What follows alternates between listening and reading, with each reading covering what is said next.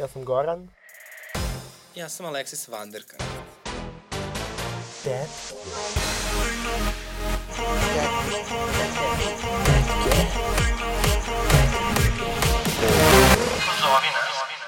Ukoliko ste doživjeli nasilje ili diskriminaciju motivisanu homofobijom ili transfobijom, možete prijaviti na www.dasezna.lgbt.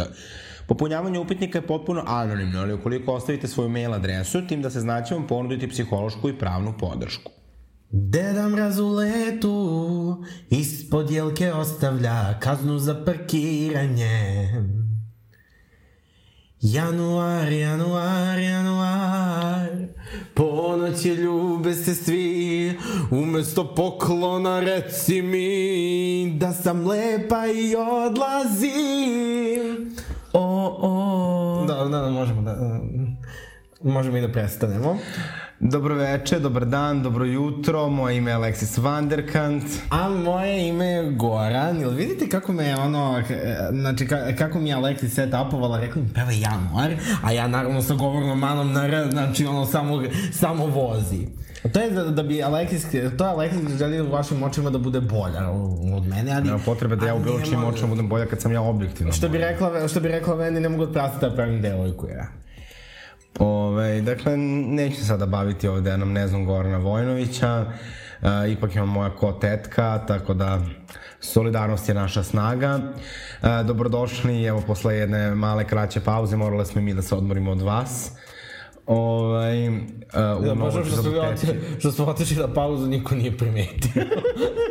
ne, imali smo jednu poruku, ovaj, uh, uh, jedan, ovaj, um, Uh, jedan fan nam je pisao, ovaj, pozdrav za Borisa. Uh, pozdrav za Borisa. Uh, pisao nam je ovaj, šta se događa, gde je epizoda. Ovaj, ja sam rekao sve, sve u redu sa tetkama, malo se... Malo smo šta mi sad pada na pamet? Znaš kako smo nam ljudi pisali da, da otvorimo Patreon? Aha. Šta misliš kada bismo zapravo otvorile OnlyFans? I da tu kačemo naš ekstra content. Ne mislim eksplicitan, ali... A,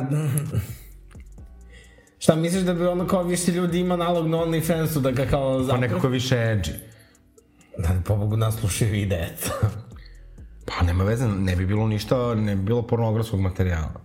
Pa ne možeš... Uh, mm, mislim da sad ako ono, ne možeš da napraviš profil uopšte ako, nisi punoletan. A ti da bi se pretplatio na nečiji OnlyFans ti moraš da otvoriš profil na OnlyFansu, kao što otvaraš account bilo. Dobro, ne znam, ajde da ovo je bila glupa ideja. Da, znam misli da otvorimo OnlyFans, ono, znam misli da otvorimo OnlyFans sa eksplicitnim sadržajem. Pa ja mislim da bi to bio hit. Ja mislim da bismo, znači, ne, ne, ne da ne bismo imali primanje, nego bismo otišli u... Možemo da se zovemo Silky and Harry. Okej. Okay. Ovaj, eto, imamo ideju za OnlyFans. Dakle, ako mislite da treba da otvorimo OnlyFans, pišite nam u komentarima. Ako želite da vam platite da ne otvorimo OnlyFans, to bi bilo još Pretplaćivaće se i ko neće. Možete zapravo da otvorimo Patreon, da se pretplatite i time zagarantujete da ne otvaramo OnlyFans. Izvini, ja mislim da bismo mi na OnlyFansu bile popularnije nego Anđela Veštica. A, vidjet ćemo. Fuck a fan contest. Dobro, ali, uh, baš, ti, baš pucaš na visoko, moram da kažem. Pa, ja sam takva uvek. No, možeš ono da uporediš se ono ko bit ćemo bolje od ludog brata. Molim, pa možemo da napravimo neku kolaboraciju. Tek s Anđelom Vešticom. ne, ne, sa ludim bratom.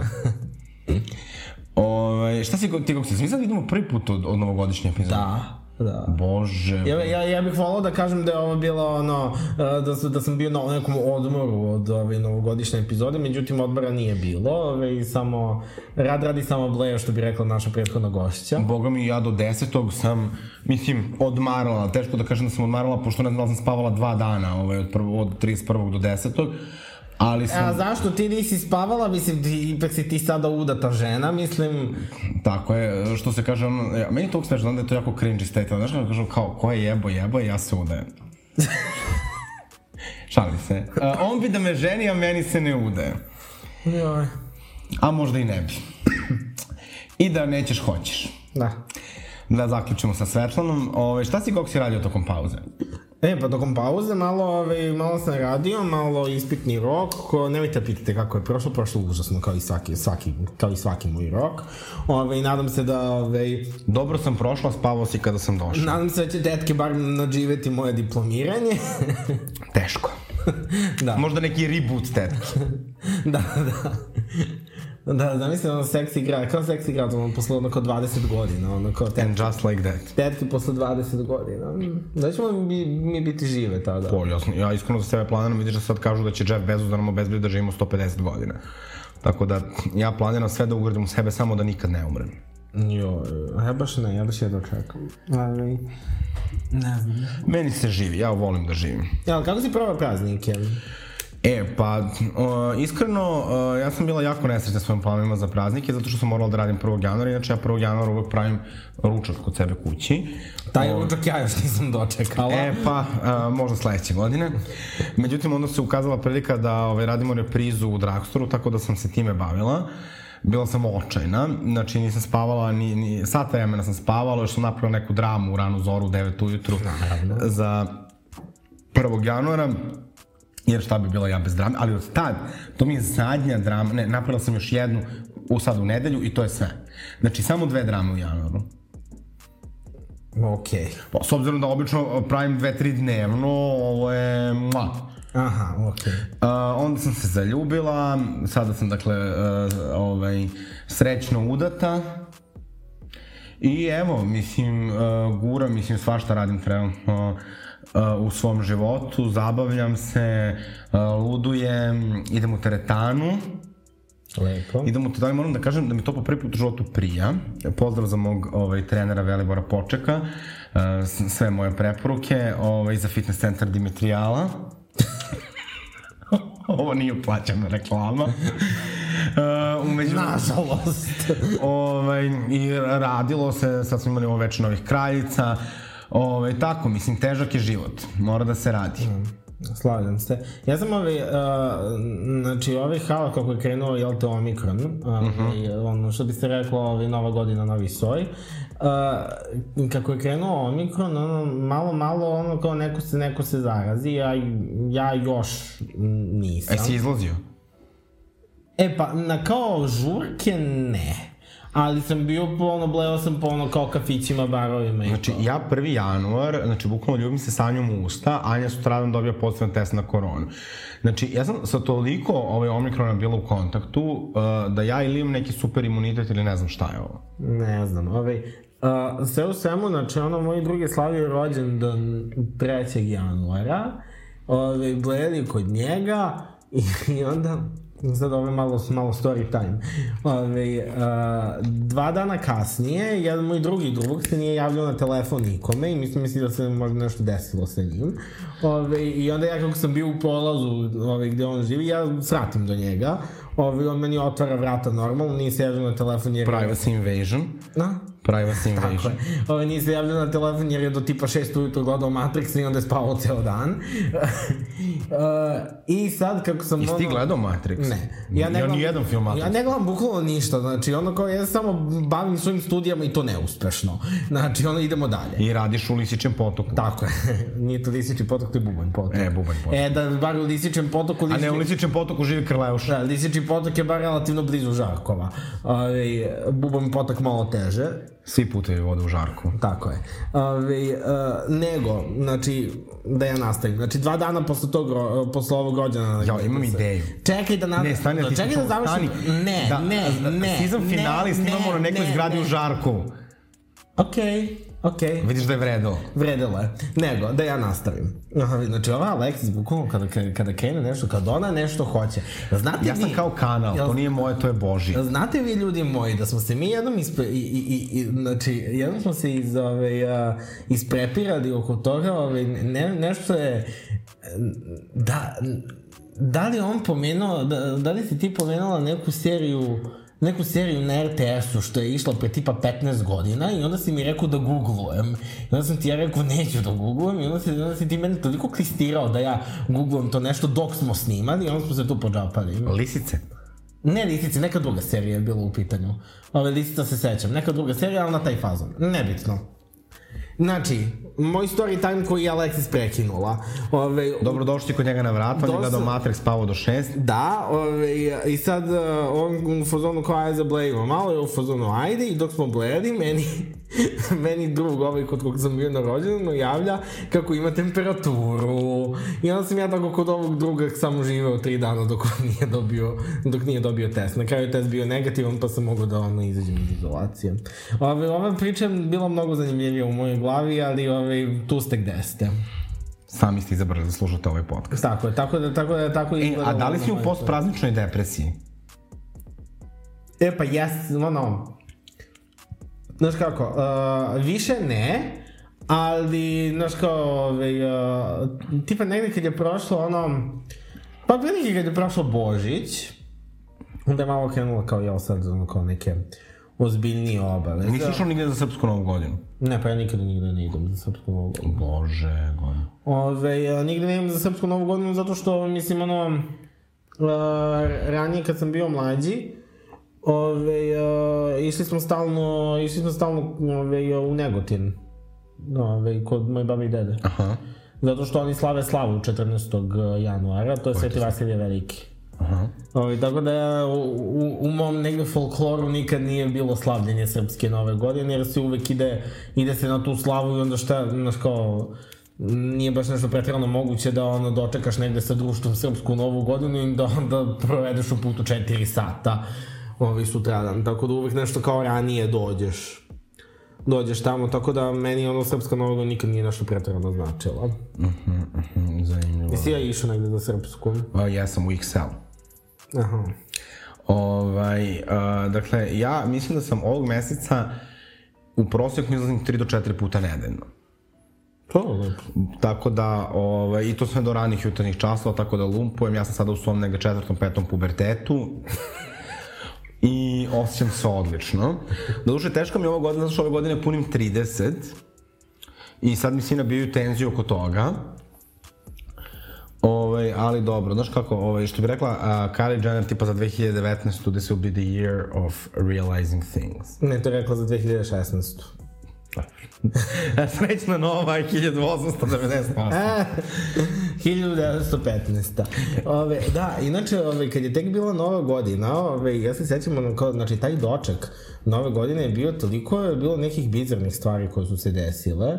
Ove, I ono prvo, mislim, ono kao Karleuša na trg, ove, to tamo ispred Skupštine. Ove, onaj aj baj po knizorom moment. Uh, on, onda se dogodilo ono Miley Cyrus koja ono kao zna bosanski. Pa ono, je toliko nekih hordur bizarova ono kao za sam prvi januar. E, ali znaš- neko je napisao na Twitteru kad se ja uh, izlistao, ovaj, kad je izlistao to sve, Neko, neko mi je napisao na Twitteru, aha, znači sledeća epizoda tetke će trajati 3 sata. Ali čekaj, Ali nekako toliko je vremena prošlo od tada da je ono kao sve nekako obajatilo i ne znam, kao da je tri života ali Sarajevo prošlo je bila odlična. Jeste, jeste. Ali je standardno dobra. Ovaj, I onda smo imali Mariju Šerifović, dobro, meni je to dosadno. Ma, meni za kako kad. Ovaj, ja, ne, ja više volim rekao starije pesme Marije Šerifović. A ja volim i ovo nove gde ono kao neki kao polu folk, ono neko naricanje. Ja, ne, ja više volim neku tu pop Mariju Šerifović. A i ona meni, ja volim scenske nastupe. A dobro, mislim, Karli nije bila baš samo loša, imala neke glupe momente. I ovaj, malo su mi ti ukrasi bili nes. Mislim, razumijem da je nova godina, ali nekako je malo čudno. Ono, da vidiš Karleušu koja jaše ukrase. Ovaj, I oni kostimi i tako to. Ali dobro, Karleuša što jašaju ukrase nego, nego Karleuša u video čestitkama sa Vesićem. Mislim, E, je to mi je. Da je stvarno bilo ono bizar, bizar ko kuća. ne znam, meni se baš sviđa ovaj, Da, to znači- između Vesića i Karleuše. Ne, ne znam, pa onako našli ste.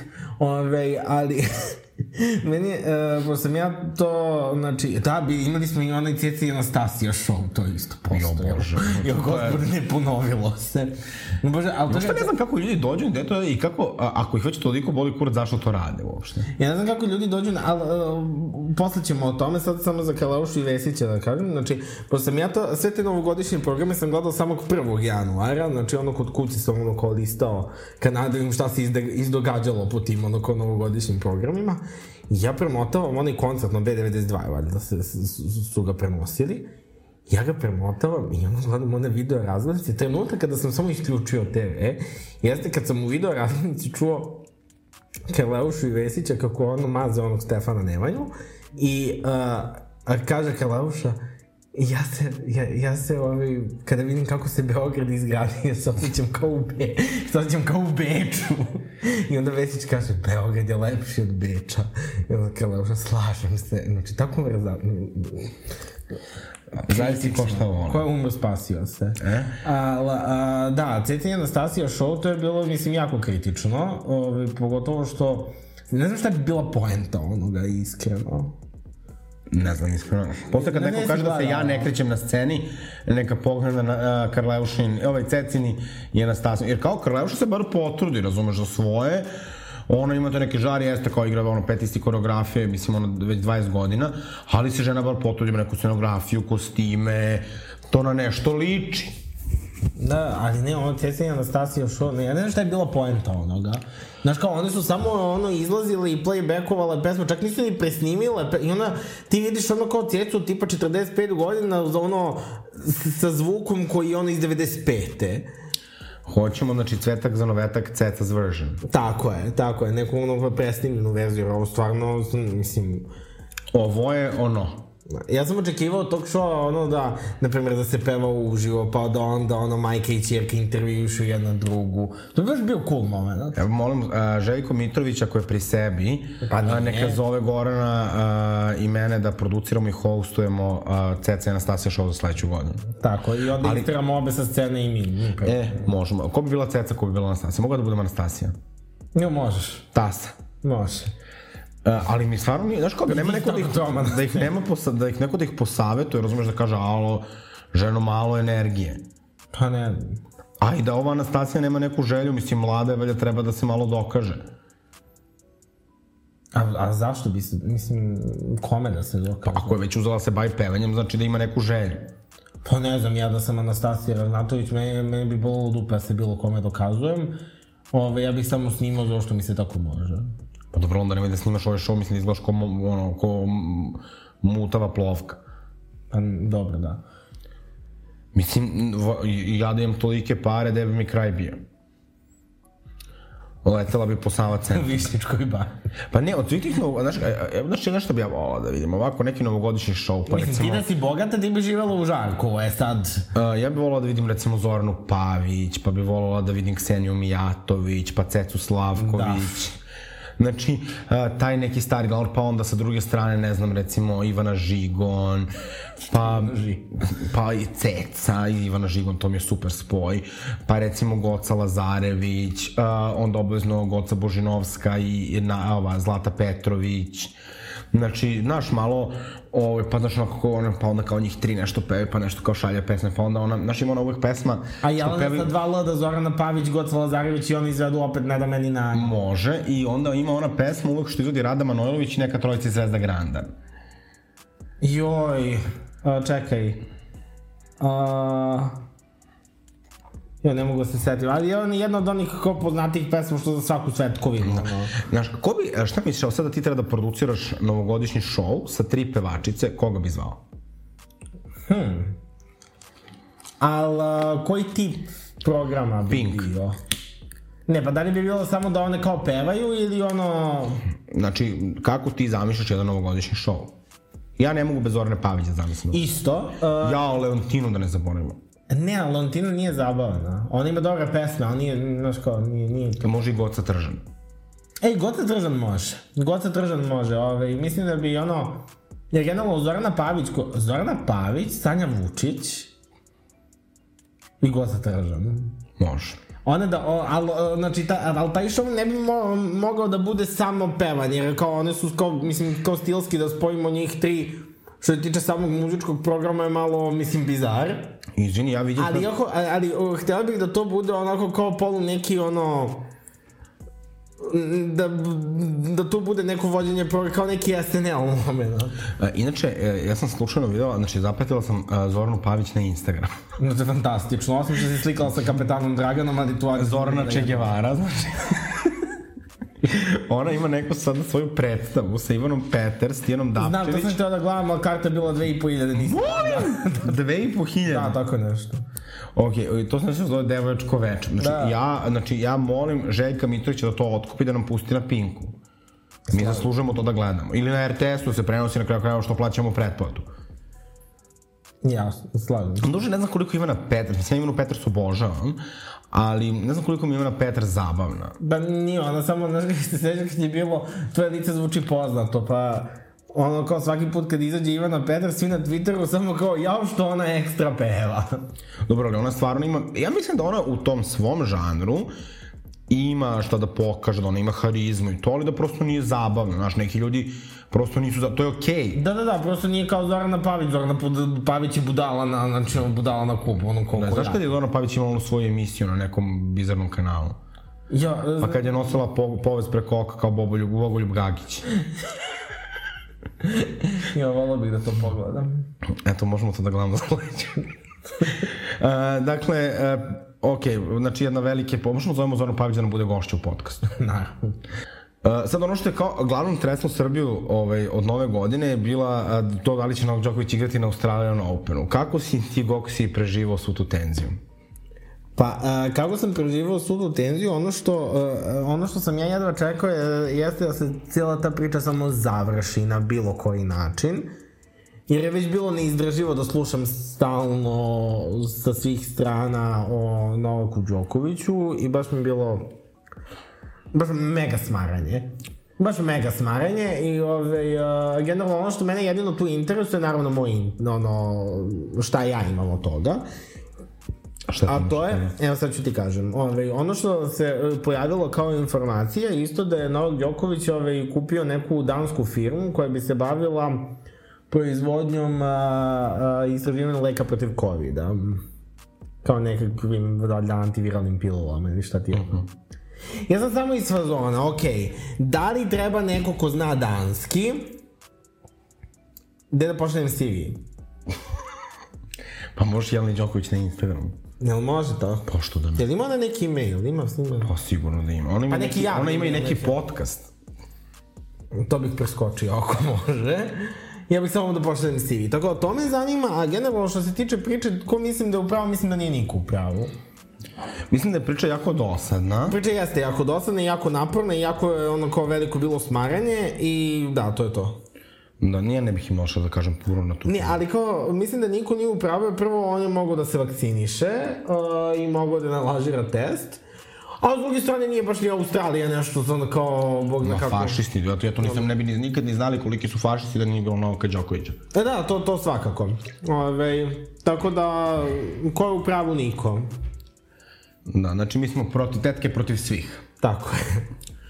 Ali meni je recimo zanimljivo koliko su ljudi bili spremni da ignorišu um, negde nedosledno i ja bih rekao um, neadekvatno ponašanje Novaka Đokovića u ovoj situaciji i cele njegove familije.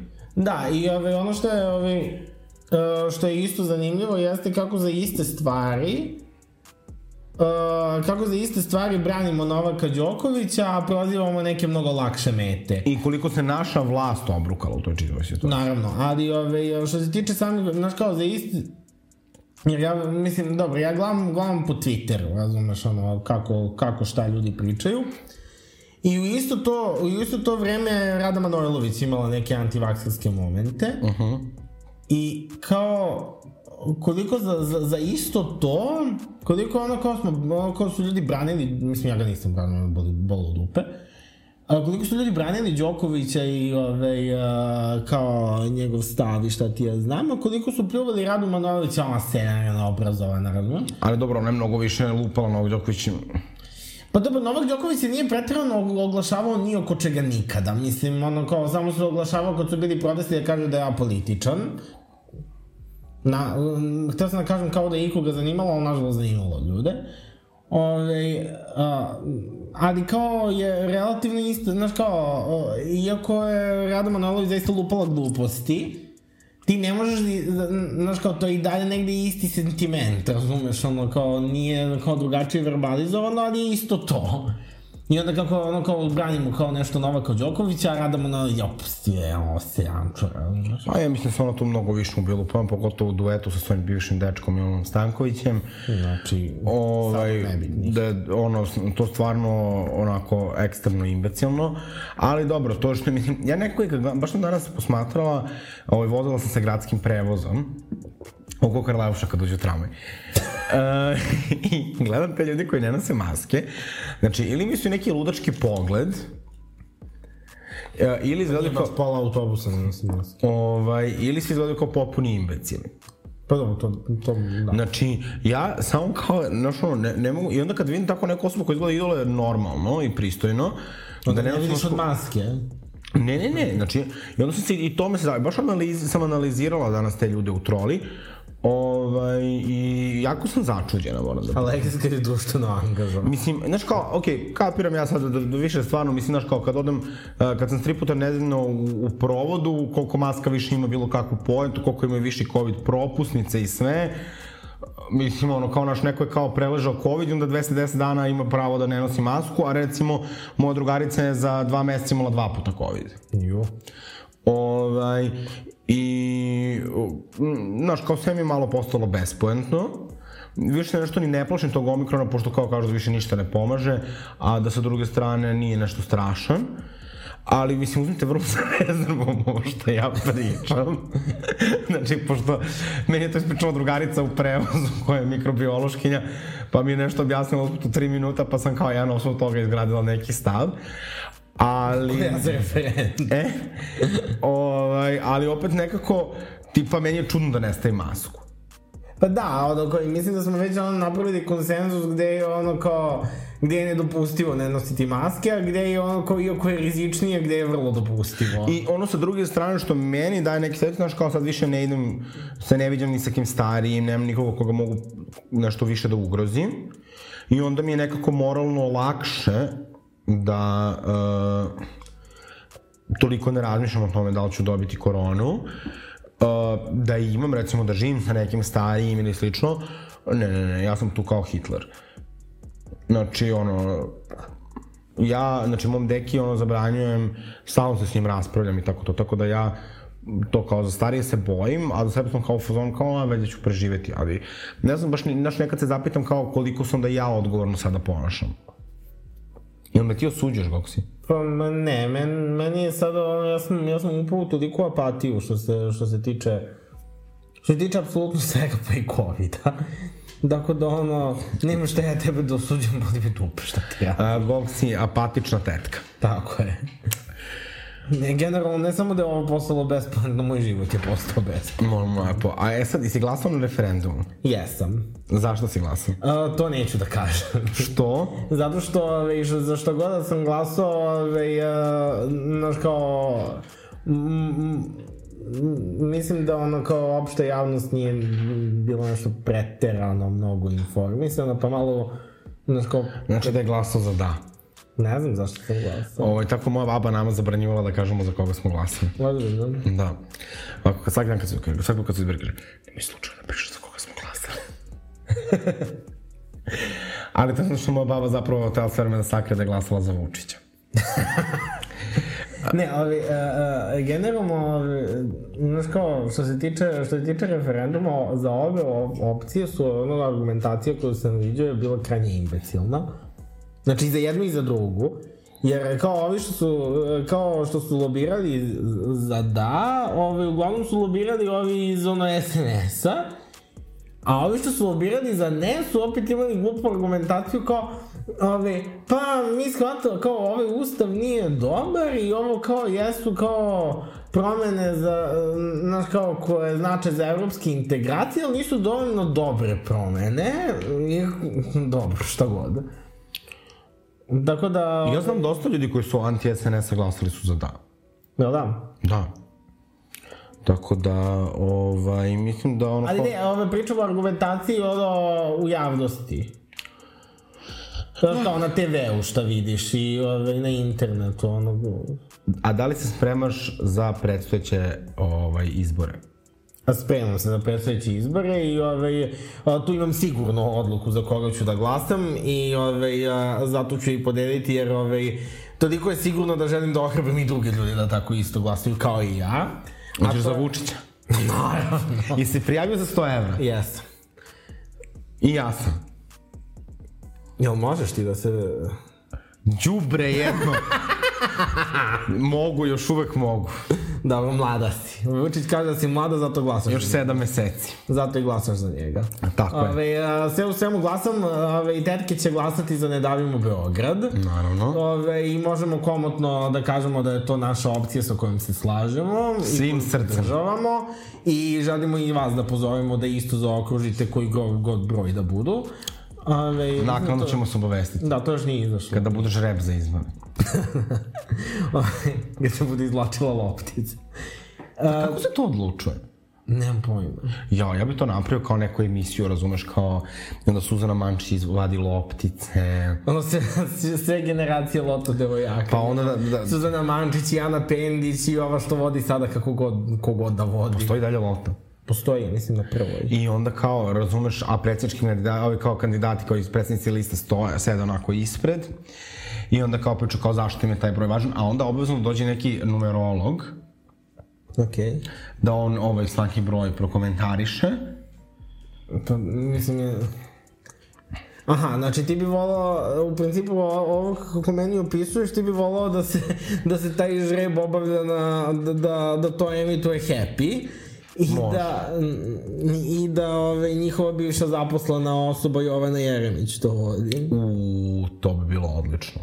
To bi bio show. Bio bi, boga mi. Ne, ja bi to prenosila, znači kao na svim televizijama, da sve na televiziji nacionalnom frekvencijom imaju obavezu da prenose. Dobro. I znači može i ovo na Jeremić da saopštava i da propituje malo ovaj, političare. Jovana Jeremić. Da, da, da. Okej. Okay. I da se tu konačno ispuni želja da ovaj, malo ispituje i Vučića. Aha. Da ide lično do predsjednika, što bi ona rekla. što bi ona rekla.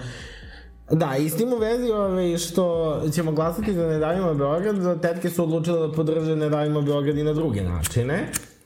A to je, znači, ove nedelje, znači, Beogradske lutkice i svi koji se tako osjećate, ove, ove nedelje u KC gradu će biti drag show 6. februara. Znači 6. februar u 18 časova. Znači 6. februar u 6. Drag show u KC gradu i ko vodi? Vaše omiljene voditeljke, tetke. tetke. I vraćamo pokojnog Mikija. Pokojnog Mikija vaskrsavamo za ovu priliku. Ove, vidjet ćemo da li će tu biti neki veliki petak pre toga. Ali, ali svakako, znači... Ako nije veliki petak, veliki smo Goran i ja. Tako je. svakako nedelja je dan za vaskrsenje, ove, kako Isusa, tako i Mikija. I 200 dinara je ulaz, sav novac ide kao podrška Ne davimo Beogradu i zove se event zove Kraljice Ne dave Beograd. I pored nas tri nastupaju, ako sad nekog zaboravimo, bit će Melakin, Zoe Plesnik, Sunoka, Novoslovenka, Ostrogami, Eva Gas i... I... I I... Samo sekund da otvorim sliku. dalje ide, dalje ide. Um, nekoga sam propustila, Joviđa pušta muziku i uh, ne, sve sam napomenula, nikoga Yes, sam propustila. Znači ja ih hostujem i vodim i nastupam i visim sa plafona, prosto ja sam tu da čupam situaciju. A šta ću ja da radim? Pa isto. Aha, znači mi čupamo... Teške žene za teška vremena. Tako je. To je bio Čan, Čankov ovaj slogan jedne godine, teški ljudi za teška vremena. Aha. Bila sam kod Mikija u nedelju. Nekad bilo, sad se pamti. Prošle nedelje sam, prošli vikend sam bila kod Mikija ovaj, na, ve, na ručku. Pravio nam je karbonare. E, Pa, Karbonaru, kako već ko voli da kaže. Ovaj, tako da eto, dođite, mislim da je ovo kao neki vrlo važan moment i da sada nekako naša kvir scena ima zapravo kapaciteta da povuče neki broj ljudi, da kaže nešto, da uradi nešto i mislim da je to fantastično svedočenje tome uh, da smo mi ipak sada mnogo ozbiljnije biračko telo nego što smo bili i ozbiljnije imamo ono veću snagu ne samo unutar kvir zajednice nego i da povučemo ljude ne samo iz kvir zajednice nego i ovaj koji su saveznici i saveznice. Da ne kažemo uh, onako jednostavnije, pederi uh, kontrolišu svet. Ove, tako da svratite od preporuka za eventove, ja imam još jednu lepu stvar. Ajde. A to je da smo u saradnji sa XL barom uh, započeli nešto što se zove Solidarni utorak. I svakog utorka ovaj, uh, skupljamo novac za neku, imamo neku akciju. Prošle, prvi solidarni utorak je bio posjećen trans devojci sa Juga Srbije koja ima veliki problem, ne može da nađe posao zato što nje svi u njenom malom mestu znaju, ne žele da je zaposle, trpi veliku diskriminaciju i nema osnovna sredstva za život. Ove, I u narednim nedeljama će biti isto. Ove, sledeći utorak skupljamo za jednog dečka iz Leskovca koji iz sličnih razloga isto nema nema, nema osnovna sredstva za život i ne možemo sad tu kao nešto wow veliko da uradimo, ali 30% od šanka i ljudi još ubacuju donacije ovako. Prošle nedelje smo skupili negdje, mislim, oko stotinak evra, što kao, kažem, nije neka wow suma, ali su onda javili još neki ljudi koji su hteli da im uplate i mislim da je to zapravo fantastično, tako da ako želite sledeći utorak i svaki naredni ovaj, od 18 časova uh, u XL baru Terazije 13 sprat 1. Vaše je samo da pijete. Vaše je samo da pijete, tu sam i ja da vas uslužim obično. to možemo i da preskočimo. Izvini, uh, ja sam vrlo dobar konobar. Znaš, znaš kako sam ja počeo ovaj svoj konobarisanje? Pa znam da si prvo bio, konob, da si prvo konobarisala u ove, guvernanti. Da, e, znači, meni je to, znači ja sam mu govorio kao, ja, meni je jako žao samo zbog dve stvari u životu, što nikad nisam radio u Meku i nikad nisam konobarisao. Pa I tako meni... uvek možeš da se zaposliš. I meni, pa da, ali za to baš nemam vremena. Evo, otvaram Meku Žarkovu. Mm. I to bih mogao ja, da, da ono kao Meku Žarkovu je jedna stanica. Ali ja bih volila kao Dragana Mirković u Slatko snova da radim u Meku. znači u Meku na Slaviji. E. I onda se rekao, pa hajde, hoću da probam. I zapravo, konobacanje za mene lično, zato što sam ja osoba koja je strašno histerična, i ima milion informacija u glavi, milion pitanja, milion stvari razmišljam, onda kad konobarišam, to je toliko kao ono, naš, nosi na ovaj sto, naplaćuj, kucnaj, provlači karticu, daj ovom, zabavljaj ovog. I kao, bukvalno to je jedna od velikih prilika kad ja mogu potpunosti da smirim svoj mozak i da ne razmišljam ničemu drugom, sem u konobarisanju. Dobro. Tako da, to mi je ono, 17. poslom koji radim, ali i u tome uživam. Verovatno zato što ne moram da ga radim ono, uh, iz, iz potrebe. Verovatno zato što ne moraš da ga radiš, nego ga radiš jer eto. Da, tako da, eto, svratite ovaj, utorkom ili bilo kojim drugim danom u XL bar. Ovaj, biće još pregaš nekih vrlo zabavnih eventova, uskoro više o tome. Uh, a evo sad kad pričamo o ovim eventima da najavim još jednu stvar, a to je nova Thank You Next žurka koja će biti 19. februara u Dragstoru. Pa svratite i tu. Biće lepo. Samo dođite da pijete. Dođite da pijete, kupite kartu, posle dođete pišalice. Uh, popite malo piće, što da ne. E pa mi ovde za jednu od današnjih tema imamo uh, i uključenje iz Novog Sada uživo. Što bi se reklo iz dijaspore. Iz dijaspore, ovaj, iz uh, prestonice kulture, Tako je, 2020, pa ove godine, 2022. Jel, druge. Ovaj, sa nama je Ana Jovanović. Ana je aktivistkinja grupe Izađi, uh, takođe trans žena, romkinja i drag kraljica. Uh, mislim da ovaj, uh, sve dalje možeš Ana ti nešto da nam kažeš malo o sebi. Da, pa eto, zadesilo se da sam se javila grupi Izađi ovaj, famozne 2019. kada je u Novom Sadu, u ovoj našoj prestonici, ovaj, bio onaj famozni uh, Pride, prvi u Novom Sadu. Ovaj, I tako je se nekako krenulo. Ja sam pre, pre toga uh, bila aktivistkinja u više romskih organizacija. Um, naravno, tada nisam bila autovana, I a, nekako od 2019. pa do sada kreće moje putovanje. Tako da sam eto tu sad sa vama i jako mi je drago što sam tu i hvala vam što ste me pozvali. Hvala tebe što si pristala da budeš deo ove epizode. Ove, on, ono što sam teo da, da, te, da, da te pitam, ove, znači, Znači, pre nego što si se, pre nego što si se autovala i pre nego što si se uključila u ovaj, um, LGBT aktivizam, uh, bila si uključena u uh, uh, aktivizam, um, u, u, bila si u raznim ovaj, nevladnim organizacijama koje se bore za, ovaj, uh, za prava Roma, je li tako? Tako je, tako je. Uh -huh.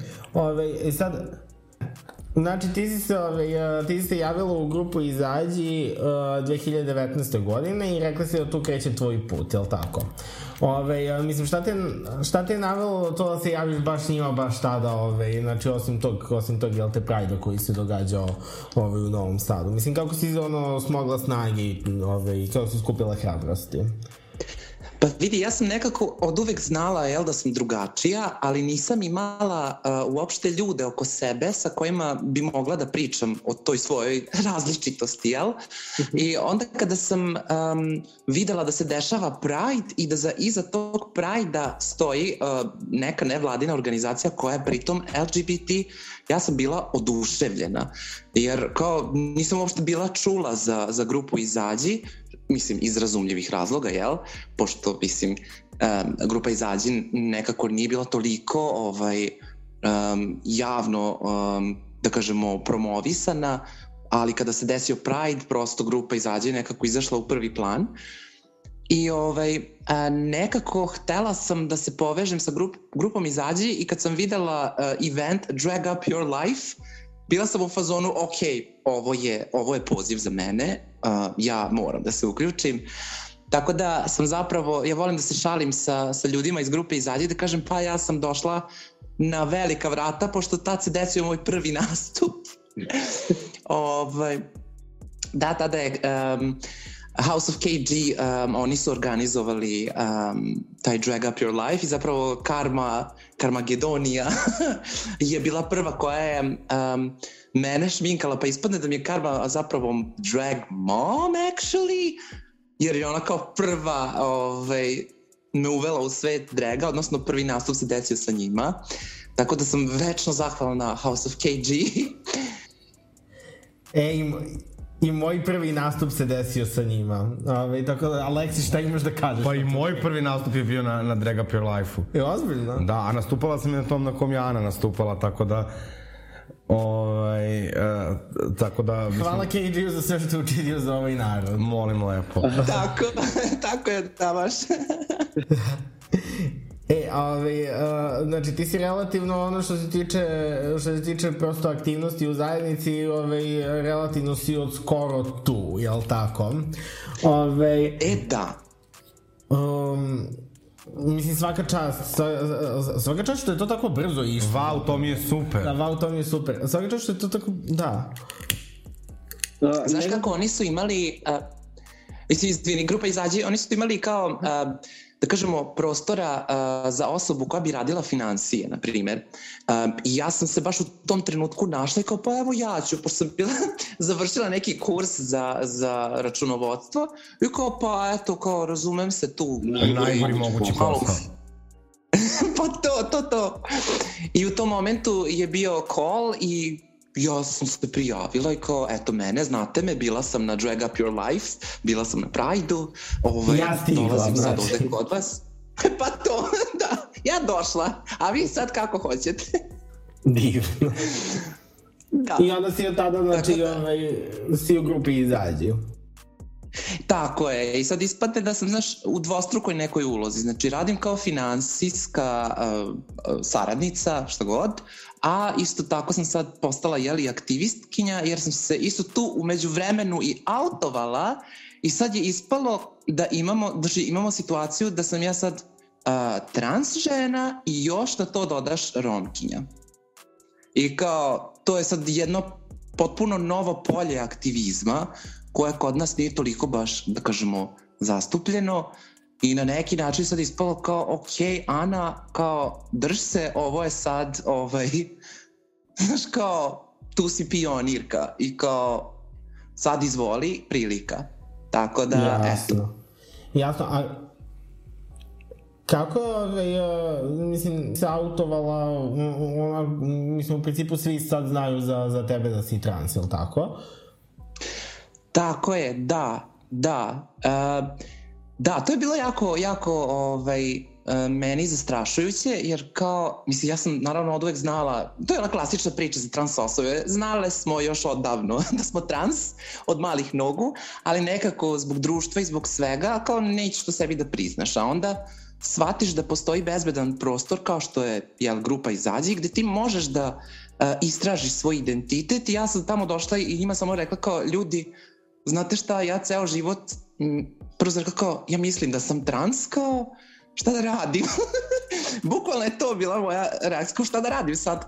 I oni su bili u fazonu, polako, opušteno, evo, ovo je pravo mesto, možeš ovde a, lepo da istražiš svoj identitet, tu si na bezbednom i eto, tako je krenulo i, i eto mene sada. E, što bi rekli, što bi rekli izlaga sam transovali su te.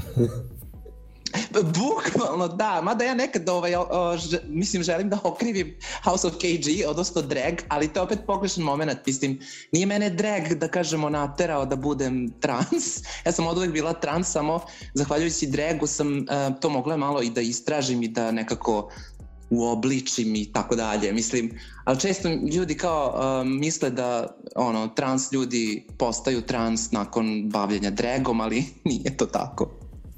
Jasno.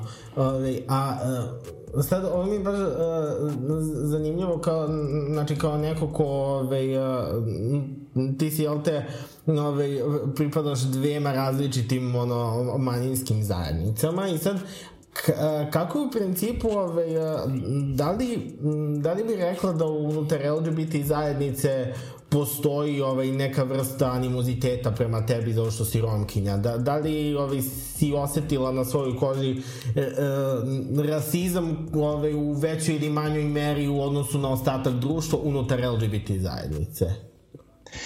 E, znaš kad sam to osetila, recimo, uh, pre nego što sam se autovala, dok sam pokušavala da dejtujem, um, ono, instalirala sam naravno ili Grinder ili uh, Planet Romeo.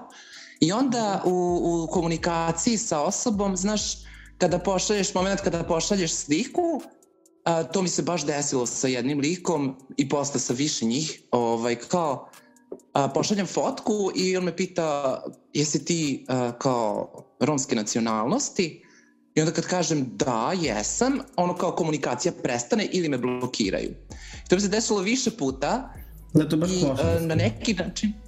Da, da, da, kao bukvalno, znači, otvoreno me pita kao da li si ti romske nacionalnosti i kao, ja kažem da, znaš, ono, bukvalno blok ili se komunikacija, ono kao, ili mi kažu, znaš, ovaj klasičan, ono kao, a, okej, okay, kao nisi, nisi moj tip.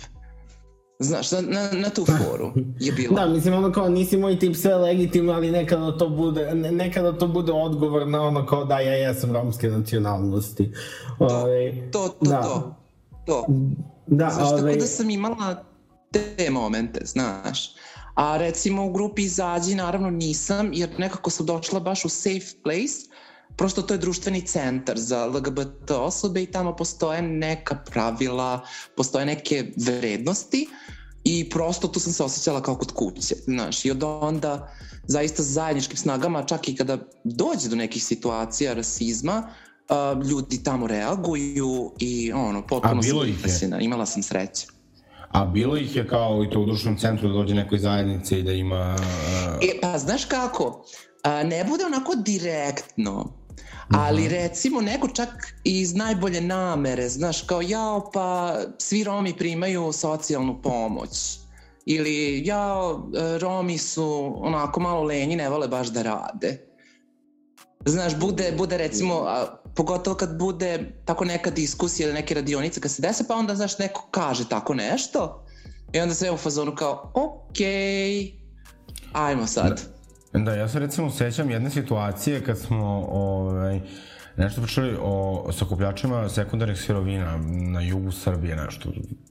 Ovaj, I sad kao ta devojka rekla kao, koja kao radi u udruženju, koja nije romkinja, koja radi u udruženju, kao rekla kao ne, ne, ne, svi sakupljači sekundarnih sirovina su isključivo Romi, A onda je neki lik koji je, spletom okolnosti gej, bio u fazonu, a šta oni rade sa tim sekundarnim sirovinama? Mislim, ona kao objašnjava, Vidiš da je ona potpuno nesenzibilisana, ali onda on kaže, aha, ja sam mislio da oni to je, skupljaju pa jedu.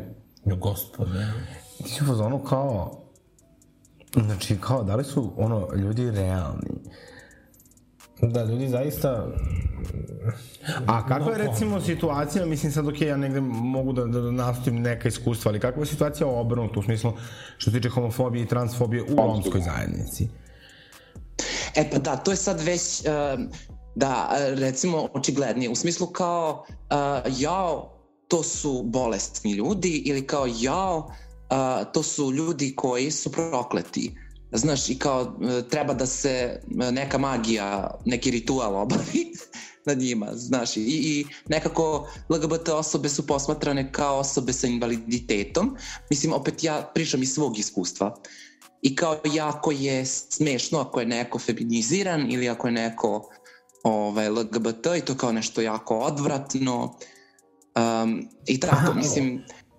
Ovo mi je sad zanimljivo, ovo kad si, kad si rekla uh, kao osoba sa invaliditetom, da li, mislim, da li hoćeš da kažeš da ove, uh, da je zajednica prema, da je romska, da unutar romske zajednice, naravno izuzeci, izuzeci postoje, ali ono, glavno neko osjećanje prema LGBT ljudima nekakvo sažaljenje pre nego agresija ili, ili kako? E, upravo to, ja bih rekla da jeste više kao sažaljenje, znaš kao jao, Pa... A jao, jadna.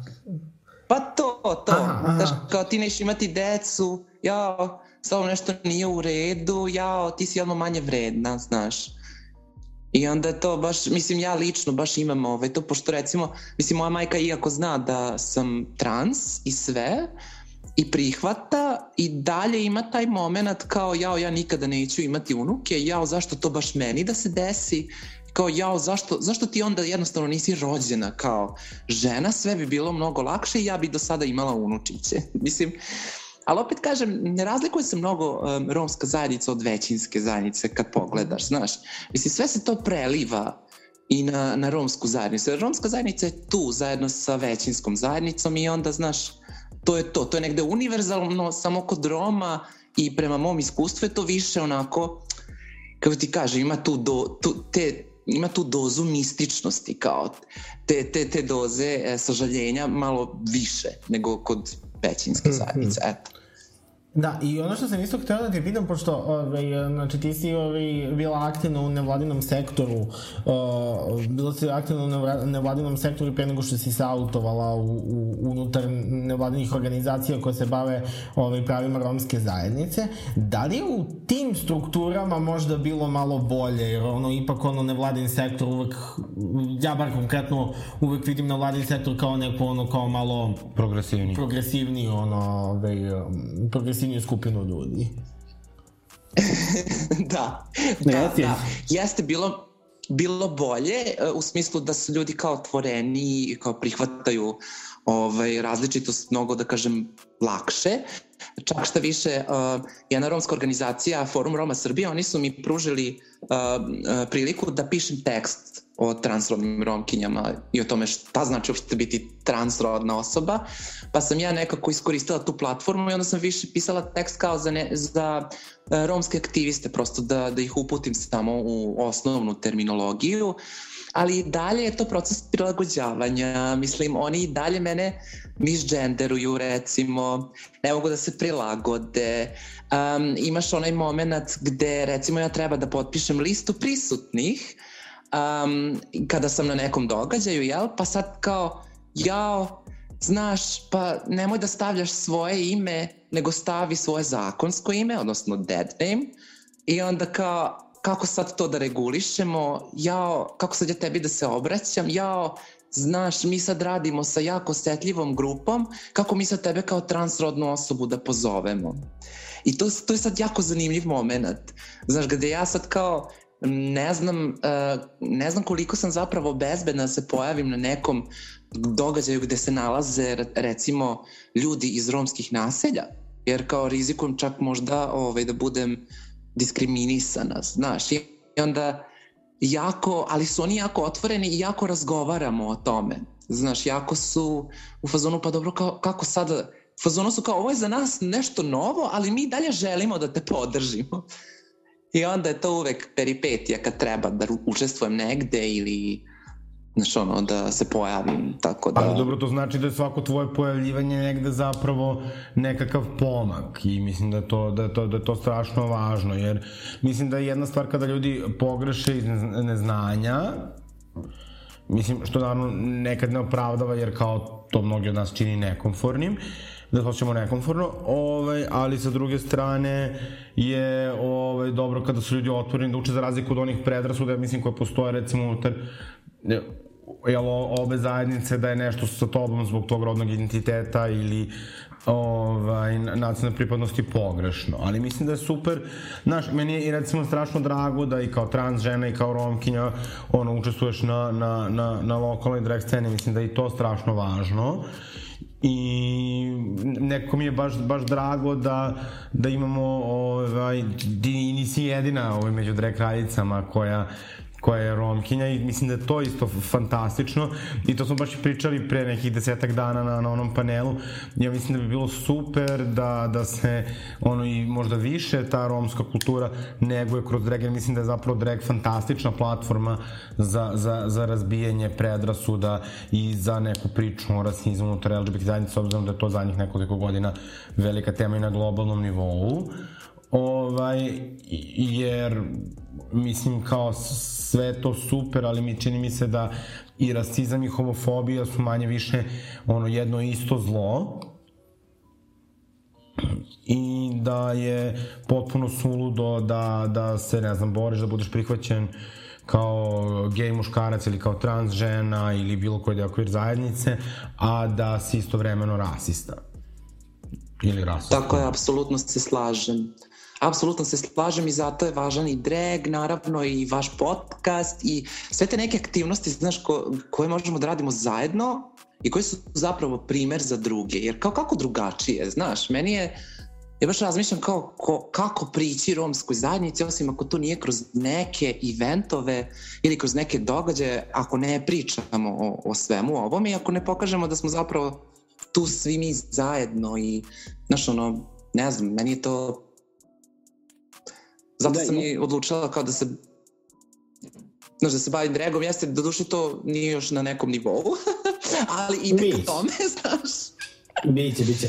Ali mislim, kod draga nije uvek samo bitan taj kao, a, ono, pod znacima navoda nivo, nego mislim da je negde zapravo snaga tu, jer kao mi danas kao vidimo da je kao nešto, tu treba teže kao nekoj vizualnoj savršenosti i tako dalje, mislim da postoje zapravo drugi segmenti koji su daleko, daleko važni, mislim da suština draga nije da bude, da bude savršen, nego i da ima neku jaku poruku i da bude zabavan i ovaj, da, da na taj način negde, negde ruši predrasude, a mislim na kraju dana i to što neko ima super kost, mislim ja znam puno kraljica koje rado gledam i pratim, a nemaju možda najsavršenije kostime i sve slično ove, što, što, što prati taj uh, vizualni identitet, kako sam se lepo izrazila.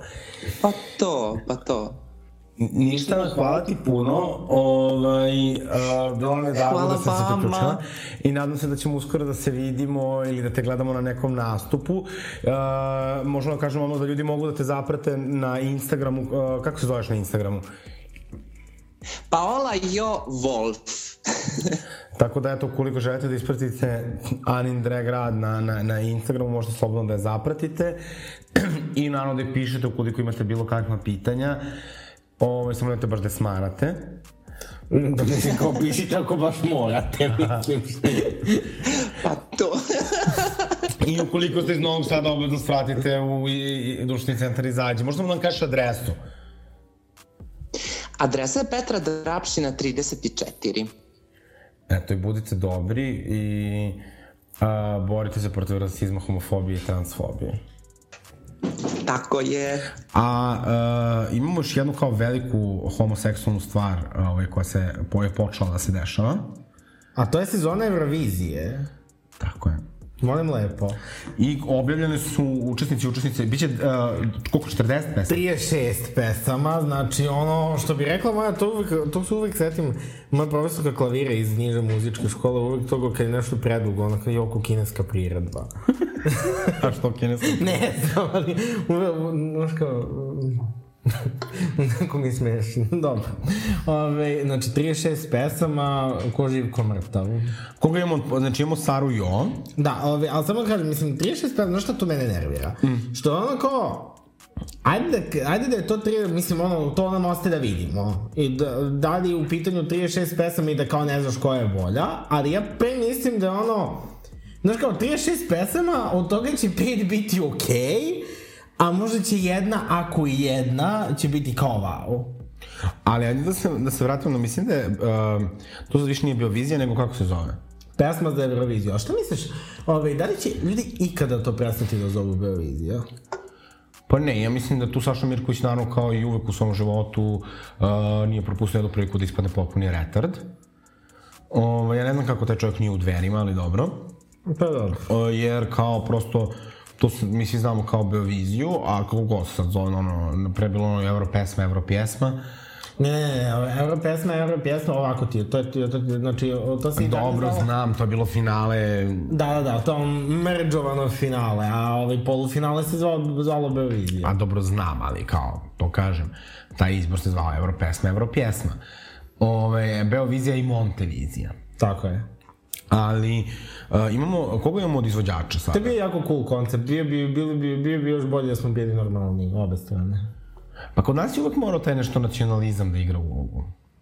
Da, ono, ovaj, jer je tu bio problem, da, tu je bio problem, ono, kao, ovaj, nijedan član novog drugog žirija neće da, dakle, nijedan član srpskog žirija neće da nikome od Crnogoraca i niko iz Crne Gore neće da nama. Ali ako budemo objektivni, nije kao da su, a, mislim, a, Crnogorci realno nemaju neku jaku muzičku industriju. Pa nema nikakvu, ali, ovaj, Sem Jadranke Barjaktarić koja je sada zabranjena, tako da to je...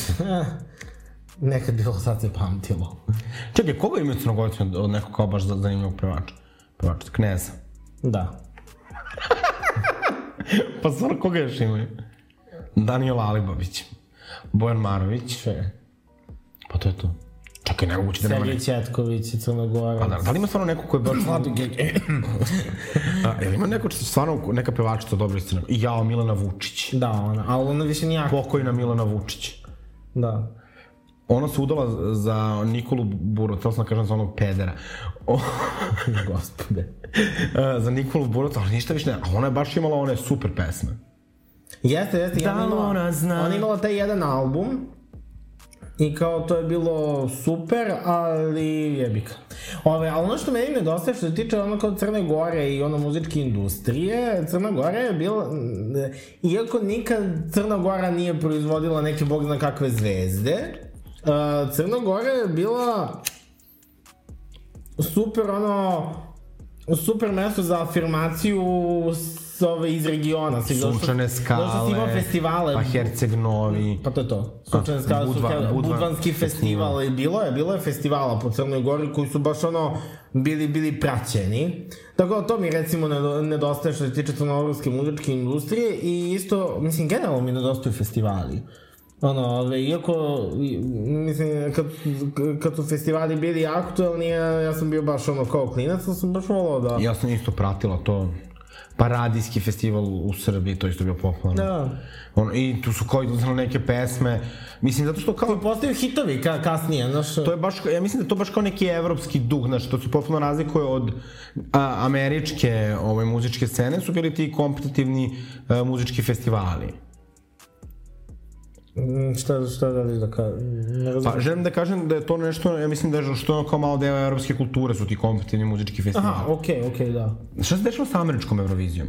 E, pa to će biti ove, a, finale, finale američke Eurovizije će ti biti te nedelje kad je ove, a, kad je ova prava Eurovizija. Znači, ono, u ponedeljak je finale američke Eurovizije, onda utorak kreće prvo polufinale ove evropske. Ali se zna ko su kandidati, ne?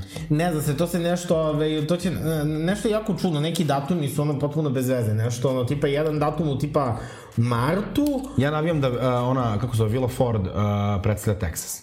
ko je to? Ona ludača što se maskira u Trumpov zid. Šta? Kako ne znam? To je ona pevačica koja bukvalno ne znam ni odakle, ni bukvalno što da bi rekla meni ni ko je zvao, ni čime je dovezno, ali se svake godine na Grammy-ima pojavi ima A, ne, ne, to je Joy Villa. Joy Villa, a ne Villa Ford, nebitno. Joy Villa. E, i Jo, bože, što se oblači u abortus i zid. Da, što se, što se oblači u Trumpove transparent. Jo, da, da, može. Jo. Jel ima, jel ima neka američka drag kraljica koja se ono kao prerušava u nju? To bi bilo fantastično. Ne verujem. Ali možeš ti, Gopsi, za sledeće. Naravno. U Vučićev transparent. Tako. Ovaj, i E, ali dobro, ajde se vratimo sad na ljude koji su, se, koji su prošli sada u selekciju. E, ovako, znači od... Uh, imamo čak i par pesama koje su već, već izašle. Koje? Ove, A kako smeju da izbaca, ovi drugi ne smeju? Pa nije da smeju, ne smeju, nego ti je generalno prema pravilima o, tvoja pesma može da bude, znači može da bude izvedena ili da je neko drugi čuje, ove, da je javnost čuje o, o, nakon 1. septembra. Tako da recimo, ove, na primjer Angelina, ona je ovu svoju pesmu već izvodila na onom Music Weeku. A Music Week je bio pomeran zbog lošeg vremena. Bio je pomeran, trebalo da bude krajem avgusta, a na kraju bio... Ove, 2. u- septembra, a, to znam pošto mi tada imali žurku. Ja, da. Ove, I onda je na Music Weeku izvala pesmu Origami, tako će to sad biti, ona je to sad poslala. Kako ta pesma, kako ta pesma zvuči? Sam se što spominje Bela. Da, nešto kao ra, voziš me... Ne znam kako je to Olivera Kovačević dogovorio, dozvolio. Pa verovatno nije, verovatno je neka verzija koja nema taj, taj deo. Jel? Da. Pošto Bez ove, Bela. ako je verovati, e, ako je verovati Angelini, ona je rekla da je ove, ta verzija koja je bila na Music Weeku, da je to potpuno naš... Ove, To bi rekla američki pevačica kad im likuje single Early Demo. Tako je. Ove, i tako, o, pesma Goce Tržan je isto izašla i... Goci tržani na Baviziji. A, da, da, da. Ekstra. Ove, Goce, pesma Goce Tržan je izašla i onako malo zvuči kao haljine, samo što nije dobra pesma. Aha. Ove, a, da, brat Maja Nikolić, on je isto izbacio.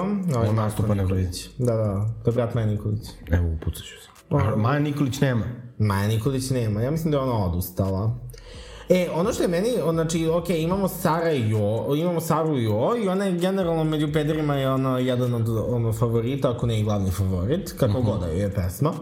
Ona, ono, njena pesma još nije izašla, tako će verovatno ona zajedno... Kako se beše zove pesma? A, e, to m, zove se muškarčina u zagradi zabranjeno voće. I iskreno malo se plašim, znaš kao, taj naziv mi baš nešto ne obećava. I isto ona Zorija, ona isto ima svoju pesmu koja se zove Zorija.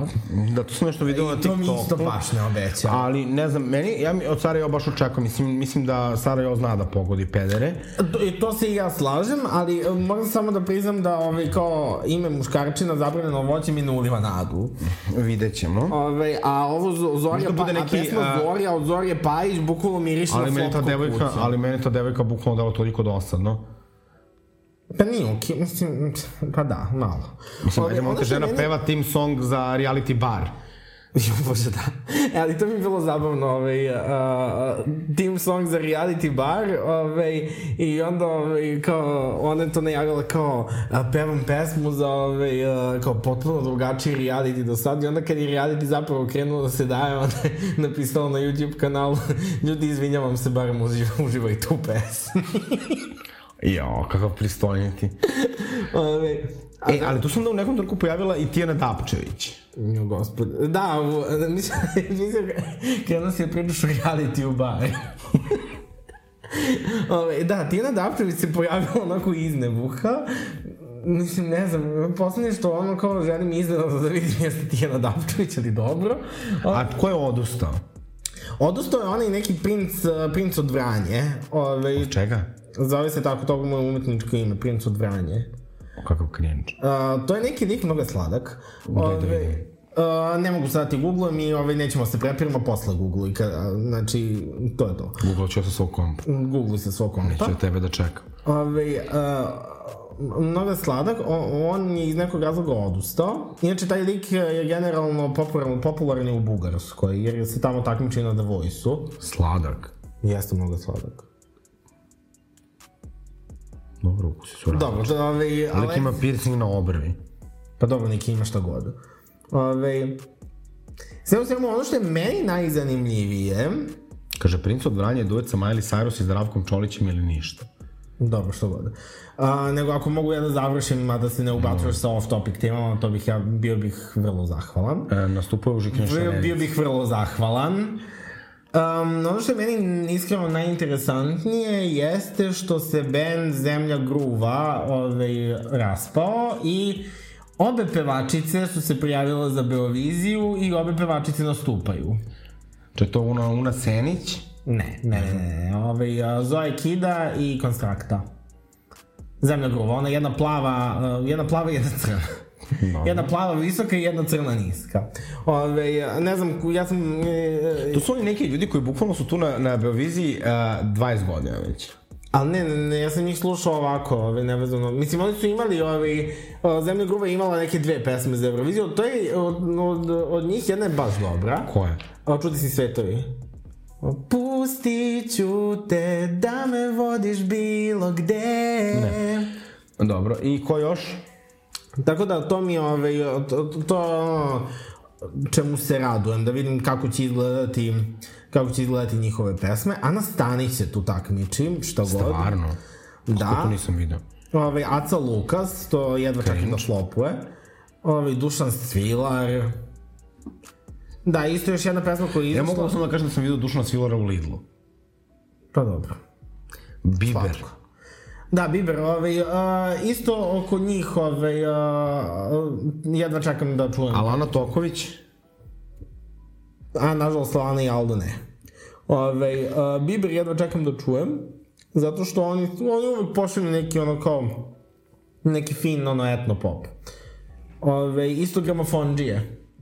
Šta je to? Gramofonđije, oni su imali jedan evropski hit, ove, i ono, get out of here and get me some money to get up, get up, get up. Zanimljivo. Tako da, ima zanimljivih, uh, ima zanimljivih izvođača, ali iskreno mislim da što god ima potencijala, da i dalje neće biti bog zna, bog zna šta. Sastav Vis limunada. Kako li ovi ljudi smišljaju ove nazive? Ivana Vlada. Dobro, ima i nekih novih ljudi, možda će neko da iznenadi. Bane Lalić, to stvarno i dalje postoji. Ali dobro, i ako neko iznenadi, znaš kao previše pesama malo. Dobro, to svakako. Ovo, ali dobro šta, a koliko recimo ima pesma na uh, Sanremo? Nemam pojma. Sigurno isto puno. Nemam Ili kako se zove onaj Melody, koliko on tamo? Aha, švedski, onaj Melody Festivalen. Uh, Melody Festival ima manje pesama. Stvarno? Da, Melody Festival ima 24 pesme. Uh -huh. Ove, uh, I podeljen je u četiri polufinala, po šest pesama. A što toliko? Pa, tako vole. Četiri polufinala po šest pesama, onda imaju baraž i onda imaju finale. Tako oni šest nedelja biraju, biraju, predstavnika. Što bi rekla Duška, Lušanski- dramatično je dosadno. Uh, ne, to je jako super, ovaj, zato što oni, oni kad organizuju taj Melody Festival, to je baš produkcija onako, evro, vrlo evrovizijska produkcija, mm -hmm. nije kao ono, nije kao RTS što ono... Ne, hoćemo biti u, u domu, u ovoj bre, ne u domu sindikata, nego... U Sava centru, nemam pojma. Ako, Ja, ako bude, ja moramo da idemo, moramo, da, moramo ja, da ja idemo, sam išla. Da, da, tebi si ovaj, uh, slikao si se sa Majom Nikolić. Da, i teli su me tuku sa fanovi Saške Janks. Ko je fan? Ja se izvinjam. Ne znam, neki tako su se predstavili. Jo, gospod. Zato što sam, uh, kad je uh, postao nastup Saške Janks, ja sam vikao Maja, Maja, a oni su krenuli da mi petem.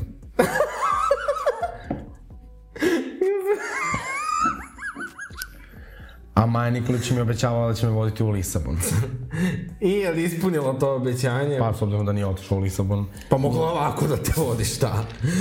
Ti si je tamo zdušno podržavala. Molim lepo. Pa iskreno ti kažem, a na toj Beoviziji su toliko bili tragične pesme, da sam ja bilo ono ako brate već idemo da idemo sa Ludom Majom Nikolić se bar dobro zabavimo. Da, mislim da je to od kad se vratila Beovizija, ta je bila naj, najlošija. Jer kao, zamisli koliko bi bilo zabavno da Maja Nikolić koja pravi histeriju. Ja se izvinjam. Zamisli koliko bi bilo zabavno, uh, zabavno Maja Nikolić koja pravi histeriju ovaj, zato što, zašto nije ušla u, u, u finale. Ne, ali zamislite Maju Nikolić, pa Maja Nikolić bi bila cancelovana ko kuća, razumeš, ono, ona da ode na Euroviziju da bilo ko od onih novinara tamo ono uvidi njenu istoriju, razumeš, ono, a, znači, njenu istoriju homofobije, ono, antisemitizma, znači, ona bi tamo, ono, kao, ona bi letela po onoj areni i to, Ona bi nažalost, gore ne, prošla i to, nažalost, nažalost, ne kao produkcijski efekat, mislim, ono, Ne znam, mislim da bi to bilo prezabavno, iskreno. pa bilo bi malo mi, malo, gore bi prošla od Silvije Knight, ali Silvija Knight je barem bila Zabavno. Bila je zabavna, bila je mim. A meni je Maja Nikolić zabavno. Znaš kao, me, jeste zabavna, ali Silvija Knight je barem bila troll. A Maja Ja, ne, meni, ja, Maja Nikolić je želim, samo... ja moram jednom da nastupam, ovaj, uh, Congratulations sa Silvia Knight, uvijek zamišljam kao organizujemo neko gledanje Eurovizije i ja nastupam kao Silvia Knight, ja, kakav glamor od pesme. Ne, mogli bismo da, ovaj, Pa ne, ne, ja to planiram, planiram, tako da, to, to be continued. Može, ovaj, a, ako organizujemo neko gledanje Eurovizije, ja to moram da budem voditeljka. Ove, e, mislim, može kao tetke voditi. Znaš koju bi tu pesmu još volila da, da lip sinkujem? E, ja mogu da vodim, a ti nastupaj. Dobro. Ne, ne, hoću ja da vodim. Uh, uh, znači, uh, Hero od uh, Charlotte Perrelli. A, ta, ta, ta, Znači, koliko mene ta pesma dira, sad sam ceo nastup osmišljen. Znači, ja kad čujem tu pesmu, znači, meni srce zaigra. To je jedna, znaš, kao, imaš ti pa recimo te godine bila Kalomira, tako da i sad se te pesme su nekako, onako je loše, a Hero je onako klas. Da, Hero je odlična. Hero je odlična, stvarno. Ovo, to meni je jedan od all time ono, favorita sa Eurovizije. Uh, Goksi, uh, šta sam htjela da ti kažem? Znači, dobro, ja navijam za Saru ovako, pri, pre nego što čujemo pesmu. Isto, isto. Nekako mislim da je Sara stvarno dobra performerka. Da, i ono, bilo bi mi baš drago, ono, kao neko ko, uh, bilo bi mi baš drago, ono, da, ovaj, um, da malo ode kući. Šta? Pa rođena u Rimu. Sara je iz Italije, to Dobro, može ona i samo da ode u Rim. A dobro, može, ali kao bilo bi baš Gde se održava Eurovizija? Dobro, u Torinu, ali kao, nema veze, bar im u Torinu je svakako bliža Rimu nego, nego u Nisam Beogradu. to znao. Da, ona je iz, iz Kako ti to Italije. znaš? Videla krštenicu žena. A, Pa- Sara Jo, ona je e, iz Italije, ako se ne varam.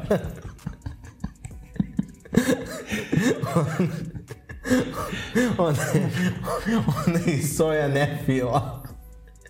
Jo, gospode. Ove, a, tako, ono kao bilo bi baš slatko, ona kao, ona kao polu-italijanka, mislim, ne srpnja iz Italije, ali, o, ali ne, kao, kao polu-italijanka ide u Italiju. Šta, neko je od roditelja italijan ili? Ne, ne, ne, kažem, ona je srpkinja iz Italije. A razumio sam da posle si rekao polu italijanka. Nisi me slušao. Sedi jedan. Znači, ja znam da je on ovo rekao, a i vi ćete mi biti svedoci, pošto ćete čuti. Da. Znaš u zadruzi kad kažu, vratite snimak. Ovaj, tako da je to naj... A, e, ali šta se desilo sa Milicom Pavlić? A koliko znam, Milica Pavlić isto prijavila. Pa očigledno da li nije prošla... Verovatno je suviše folk za RTS-ove standarde. Jo, momte, pa ko se nije bio na tom, to je bilo... Pa da ne, godine kad su bili Darko Filipović i Tanja Savić. Nije bio Darko Filipe, bio, bio je duet Bane Mojićević. E, ba, još gore. Ono, od simpatije do simpatije. Tako zvao. Ili, a, se, se sjećaš kad su, a, mi, ona Milica, kako se zvala, jebote, a, ona Milica i Daniel, što su bili u operaciji Triumf. Daniel, brat Marije Šerifović, i ona Milica što je pevala Mi smo savršeni par. Dobro. Kako se ona prezivala, Milica? Ja, imali su onu pesmu Hater. Jer ti si hej... Ne, ja sam hejter, volim da mrzim kada volim. U, a. Da, i sedim se onaj OT Band iz operacije Triumf sa Kajom. Da. Blagoslov za Kaj. Ta pesma je zapravo bila dobra. Ko je te godine pobedio? Te godine ti je pobedila Cipela. Kakav cringe. Kakav cringe. Da, to je stvarno bilo ovaj, jedno... To nam je verovatno najgori predstavnik. Da, ja bih rekao isto da da. Znači, od svih, ono, od naših predsjednika samo se troje, nikak, samo se troje nije pl- plasiralo u finale. I to su Cipela, moje tri i Tijana Bogićević.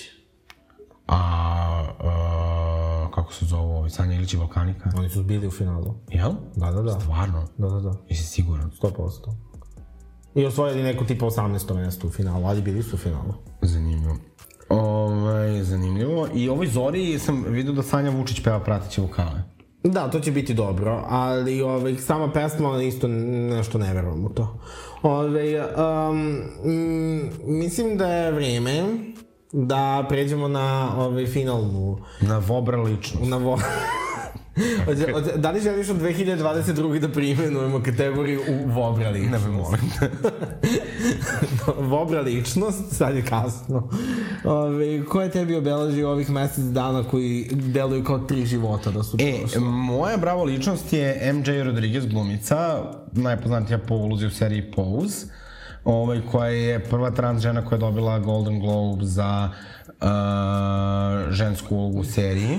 A, to je... To je Ovaj, mislim, meni ta serija puno znači i uh, glumica je uh, ono, predivna i njen lik i sve, ja sam se toliko plakao i... Šta je bilo? Znaš, kad smo pričali pre snimanja podcasta, kad smo Da. pitali ko će ti biti brava ličnost. I ti si rekao, ovaj, MJ Rodriguez, ja sam zamislio onu glumicu pevaš taj, onu Raini Rodriguez, Ne ono, znam ko je to. ono što je bila mim na TikToku, ono, fiesta, party, quinceañera. Ne znam šta. Kako se zove? Raini Rodriguez. Raini. Raini Rodriguez. Ja, e, mogu da imam dve bravo ličnosti? Možeš da imaš, možeš da imaš, evo ti možeš da budeš otelotvorenje Mikija. Ne, znaš zbog koga sam, koga sam Evo. Betty White. Joj, jeste, ona je umrla. Da, o, Da, ja sam potpuno zaboravio. Pa ja kažem, one tri života su prošle. Znači, Betty White, ja sam toliko volao Betty White, toliko mi je bilo žao 31. decembra kad je, ove, kad sam saznala da je umrla, pošto kao, tako neko bio hajp oko njenog stotog rođendana, I kao, mislim, ipak jedna preslatka žena, ovaj, i divna, i zabavna, i kao, eto. Da, ove, da, ja sam baš htjela da mi ona bude bravo ličnost kad je tek umrla i onda sam posle zaboravio, naravno da je umrla, tako ću ja ostati pri svojoj bravo ličnosti koju sam rekao i pre emisije tebi. Ove, to će biti Marija Šerifović, da, malo bizaran izbor, ali šta je tu je? Tu je šta? Goran je kraljica bizarnih izbora. Tako je, ove, i ovako, ovako životno. Ove, sve u svemu, ove, Marija Pored toga što je kraljica Žarkova. Pored toga što sam kraljica Žarkova, ovaj, Marija Šerifović ovaj, je uh, istakla transparent Ljubav je zakon na dočeku nove godine ispred Skupštine. Eto vam ga na! Ovaj, I Boško Obradović se baš potres. No, gospoda. On se tako uvek potresi za neke nebitne stvari. A bitno da ga ne potresaju silovane žene. Da. Ovaj, ništa, hvala vam puno na pažnji, glasite za ovaj, svoju bravo ličnost. E, I naravno za Ne davimo Beograd. I za Ne dajemo Beograd, glasite ono- za tetke, mi ćemo biti na listi. ovaj, Da, da, da, da, Ja, da, šta mislite, da li ćemo ući u Skupštinu ako ovaj, Ne davimo Beograd pređe cenzus? To mislim, ja neću, ja nisam član stranke, ali ali učla, moraš da se učlaniš. učla, učlanit ću se. Ovaj, Eto, do sledeće epizode ja učlanjeno u Ne davimo Beograd. Dođite 6. februara da nas gledate, da se zajedno zabavljamo. I da i tetke postanu narodne poslanice. Tako je, a utorkom e, i XL. Tako je. Uh, šta ćemo da kažemo, kad volite nekog i neka neko vole vas, to malo pre rekla, nećemo to, a? Uh, bacite se na vežbanje, januar je prošao. I lepo provedite dan zaljubljenih. Ćao.